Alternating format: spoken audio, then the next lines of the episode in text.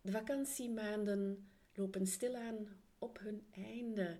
En september hangt in de lucht en dat wil zeggen een nieuw schooljaar.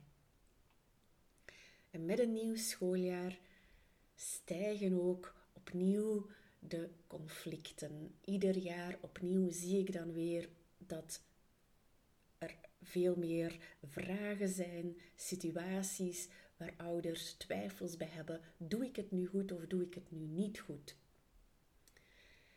Er zijn opnieuw meer raakpunten tussen elkaar als ouders en daarom wil ik graag met jou in deze aflevering vertellen hoe wij dat precies bij Glinster doen, zodat jij ook minder stress hebt in deze septembermaand. Welkom bij de Straffe Ouders na de Scheiding podcast. Ik ben Anne en ik help ouders in een complexe scheiding naar meer rust, naar een betere relatie met hun kinderen. En ik werk met een heel klein segment van ouders na de scheiding. Die ouders die jarenlang in een complexe scheiding uh, zitten of zijn terechtgekomen. September geeft veel stress, maar ook voor heel wat ouders wat verdriet. Ik ga dadelijk in op de stressmomenten, maar er zijn ook ouders die geen contact meer hebben met hun kind of met hun kinderen. En die dan wel gemis ervaren deze dagen. Ze horen dan niet de verhalen over de school, over de klasgenoten, de schoolspullen kopen. Je ziet dan in de winkel allemaal ouders en kinderen schoolspullen kopen. En ja, dat kan, dat kan je verdrietig maken. Hè? Ik wou gewoon even daaromtrent, daar gaat deze aflevering niet over, maar gewoon ook iets over mezelf vertellen. Ik ben heel lang geleden, ik ben jaren leerkracht geweest in een lagere school. Ik heb het besluit genomen om uit het onderwijs te stappen. En hoewel dat ik die keuze bewust heb gemaakt, was 1 september jarenlang een heel verdrietig moment voor mij. Want ik was wel heel graag leerkracht. Ik was graag bij de kinderen.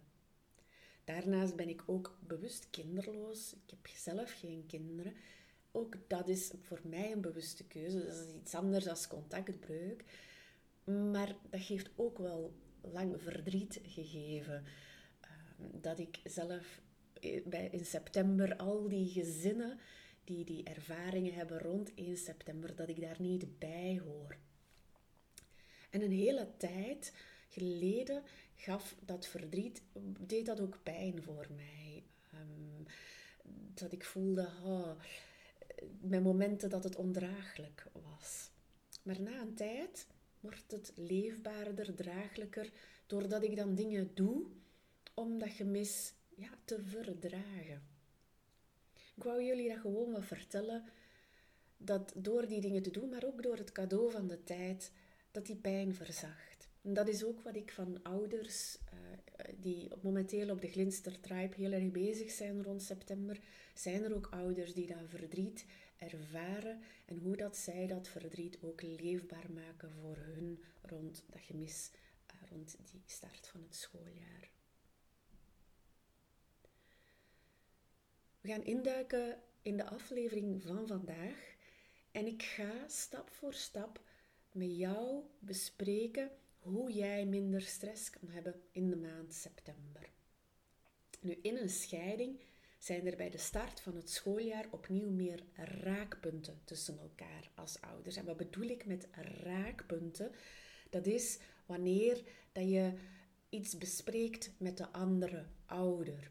Bijvoorbeeld, er moeten boeken gekocht worden. Wie koopt de boeken? Um, hoe gebeurt de betaling van die boeken? Um, ook bijvoorbeeld, je krijgt een brief mee voor de opvang, de naschoolse opvang. Um, heeft de andere ouder die brief gekregen? moet jij die brief doorgeven aan de andere ouder? moet jij dat vragen aan de andere ouder en één brief invullen naar de school? Dus dat geeft heel wat ja, twijfels ook. Wat doe ik nu precies goed?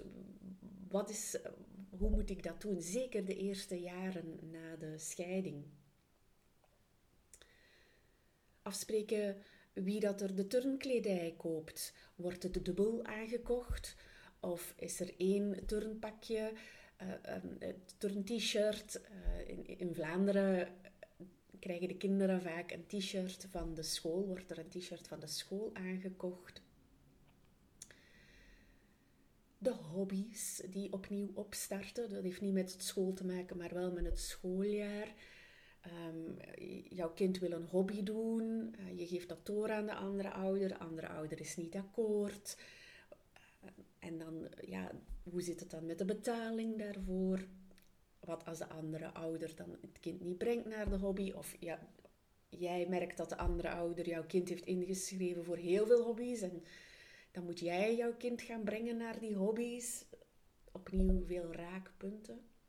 Het kan ook zijn dat er een nieuwe school is gekozen geweest. Dat er de voorbije maanden of misschien een jaar zelfs strijd is geweest rond die schoolkeuze. Hoge stress. En dat nu die nieuwe school daar aankomt. Heel spannend. En ook wanneer jouw kind extra zorg nodig heeft op school is er opnieuw weer overleg met de leerkrachten, met de zorgleerkracht. Je krijgt misschien een bericht van de zorgleerkracht. Kunnen wij jullie als ouders spreken? Dat je denkt, oei, ons als ouders, dat komt niet goed. Samen in een gesprek. Wij verschillen heel erg in mening over de zorg die nodig is, over hoe dat wij dat aanpakken in ons huis. Als ik samen naar een gesprek moet gaan, ik heb daar nu al stress voor. En zo verder en zo. Na een scheiding is het een plan A is dat je hierin samenwerkt als ouders. Oké, je bent wel gescheiden en ieder doet zijn eigen huishouden, maar je verwacht dan dat je daarover kan spreken met elkaar, een mail kan sturen, kan telefoneren of tijdens de wissel eventjes kan uitwisselen met elkaar. Maar wat doe je nu als ouder het beste wanneer dat uitwisselen met elkaar als ouders wanneer dat die raakpunten hoge stress geven. En ik heb het hier niet over een, een, een, normale stress die bij het leven hoort, hè, spanning, stress, maar echt hoge stress. Stress waar je ziek van wordt. En stress waar je ziek van wordt, dat hou je even vol. Dat hou je misschien een jaar, twee jaar vol. Maar daarna beginnen de klachten op te stapelen.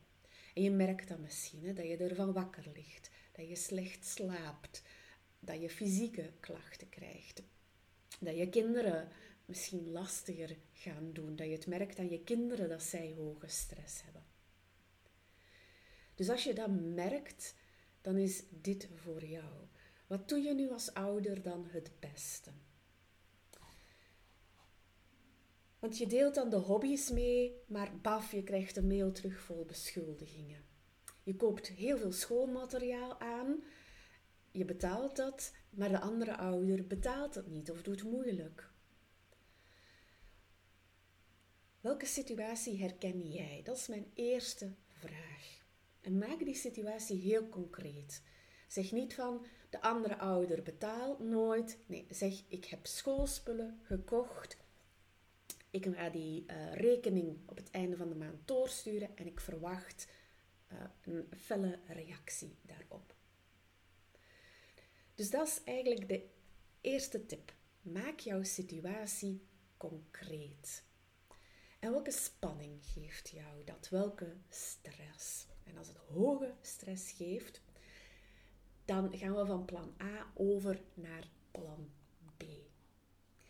Plan B is om niet meer dat klassieke plaatje van samenwerkende ouders te gaan volgen. Het klassieke plaatje, het ideale plaatje van de samenwerkende ouders die dan met een kopje koffie uh, samen deze dingen gaan bespreken. Uh, dat, is niet, dat is niet voor iedereen uh, um, van toepassing. Dus plan B is dan dat jij in deze situatie als solo-ouder, dus in jouw gezin, spreekt met jouw kinderen over de situatie. Bijvoorbeeld over de, welke situaties heb ik daar juist gegeven? Over de schoolspullen. Ja, dus jij hebt um, een turn-t-shirt gekocht voor jouw kind. En je vraagt aan jouw kind: wil je graag dat dat t-shirt heen en weer gaat? Ga je dat dan terugbrengen? Dus je spreekt daarover. Heb jij graag dat de andere ouder ook een t-shirt koopt? Daarover spreken. En je spreekt hoe dat je dat doet ook met dat turn-t-shirt dan in jouw gezin. En daarin mag je zelf beslissingen nemen. Je mag ook, als je dan een brief van de school hebt gekregen voor de opvang, in jouw tijd neem jij daar zelf de beslissingen ook in. Dus dat is de tweede stap. Als solo-ouder autonoom die beslissingen nemen in jouw gezin. De derde stap is hoe kan je ervoor zorgen dan in deze situatie dat er geen raakpunten zijn met de andere ouder? Dat is parallel ouderschap. Parallel. Twee parallele lijnen die geen raakpunten hebben. En je doet dat, dat is stap 4. Je doet dat niet vanuit de intentie van kwaadheid naar de andere ouder toe. Om haar of hem een lesje te leren of vanuit wrok, vanuit haat, vanuit machteloosheid. Dus niet vanuit die intentie. Je doet het vanuit intentie om de hoge stress te vermijden. Want op lange termijn is dit schadelijk voor de kinderen, die hoge stress. Zij geraken daarmee ingezogen, onvermijdelijk, ook al probeer je hen daaruit te houden. Kinderen hebben voelsprietjes voor hun ouders. Dus stap 4 is dat. Je doet het met de ouderpet op. Dus vanuit de intentie van jouw kinderen uit die hoge stress te houden. En als je voelt bij het luisteren, oh, die andere intentie zit er nog. Ik voel nog veel kwaadheid, wrok. Moet ik dat dan loslaten? Daar gaat deze aflevering jammer genoeg niet over. Um, dat is misschien een idee voor een andere aflevering. En dan stap 5. Dus wanneer je de vorige stappen hebt gedaan, mag je beseffen dat je niet gefaald bent als ouder, omdat je niet in samenwerkend ouderschap zit met de andere ouder. Je bent oké als ouder. Ja? Je hebt mijn toestemming om dit te doen als je jarenlang in die hoge stress hebt gezeten, waarbij dat er een enorm conflictmonster aanwezig is in jullie leven. En dat is hoe dat wij dat doen bij Glinster, hoe dat wij de septemberstress hier nu aanpakken. Het is enorm actief ook um, bij Glinster met de vragen van de ouders. En je zal misschien merken na het luisteren van deze podcast, als je niet bij Glinster bent, want ik weet ook dat er veel ouders luisteren uh, die um, in, in, begeleiding zijn. Als je niet in begeleiding bent, dit vraagt wel wat doorzetting. Dus je gaat niet op 1, 2, 3, floeps, al die situaties plots de baas kunnen. Het is hard werken. En het duurt even voor je deze structuur opgezet hebt. Want wij passen deze structuur niet alleen toe voor de septemberstress, wij doen dat ook voor andere hoge piekmomenten, wanneer het conflictmonster ehm, um, weer heel erg aanwezig is. En als je het goed wil doen, dan is het hard werken om die structuur op te zetten. Dus er gaan moeilijke momenten komen. Het gaat hard werken zijn. Geef het niet op daardoor. En als je merkt na deze podcast, wow, Anne, ja, ik, ik voel dat ik dit moet doen, maar dit is niet concreet genoeg voor mij. Want eh, deze situatie, wat moet ik daar dan precies mee? Dat is normaal. Ik kan niet in deze podcast voor iedere specifieke situatie de oplossing geven, want dan heb ik voor de septemberstress 100 afleveringen of 200 afleveringen nodig. Ik kan het pas concreet maken als ik een concrete situatie van jou krijg, met alle met bepaalde details. Ehm, en dan kunnen we het concreet maken ook voor jou, met jouw concrete vraag. En dat is precies waarom ik ook de Glinster Tribe heb gemaakt. Dat is eigenlijk een hele warme plek voor ouders, waar ik dagelijks op deze manier ouders stap voor stap door de situaties loods. En ik doe dat niet één op één met jou. Ik doe dat samen met andere ouders, waardoor dat je merkt, ah, ja, je krijgt moed om door te gaan op de moeilijke momenten in het begin. Want in het begin is het hard werken. En je krijgt daardoor moed en erkenning dat het hard werken is. En daarna het goede nieuws is dat het altijd makkelijker en makkelijker gaat gaan. Ik zag gisteren bijvoorbeeld een ouder en zij was een van de eerste ouders die ik begeleidde in parolouderschap jaren geleden. En ik zag haar opnieuw en ik, uh, ik vroeg, ja, en is nog hard werken? Ja, zegt ze, eigenlijk niet. Ik heb, ik heb ergens na een tijd de klik gemaakt en nu is het gewoon heel simpel voor mij. Um, dus dat was ook wel fijn om te horen uh, dat zij daar ook gemoedsrust, uh, die gemoedsrust is blijven kunnen houden ook na die jaren, eens dat die structuur daar klaar stond. Voilà, dat was het voor deze week. Ik wens jouw kind of jouw kinderen een uh, goede start van het nieuwe schooljaar. En uh, dan spreek ik je weer volgende week in de volgende aflevering. Tot dan!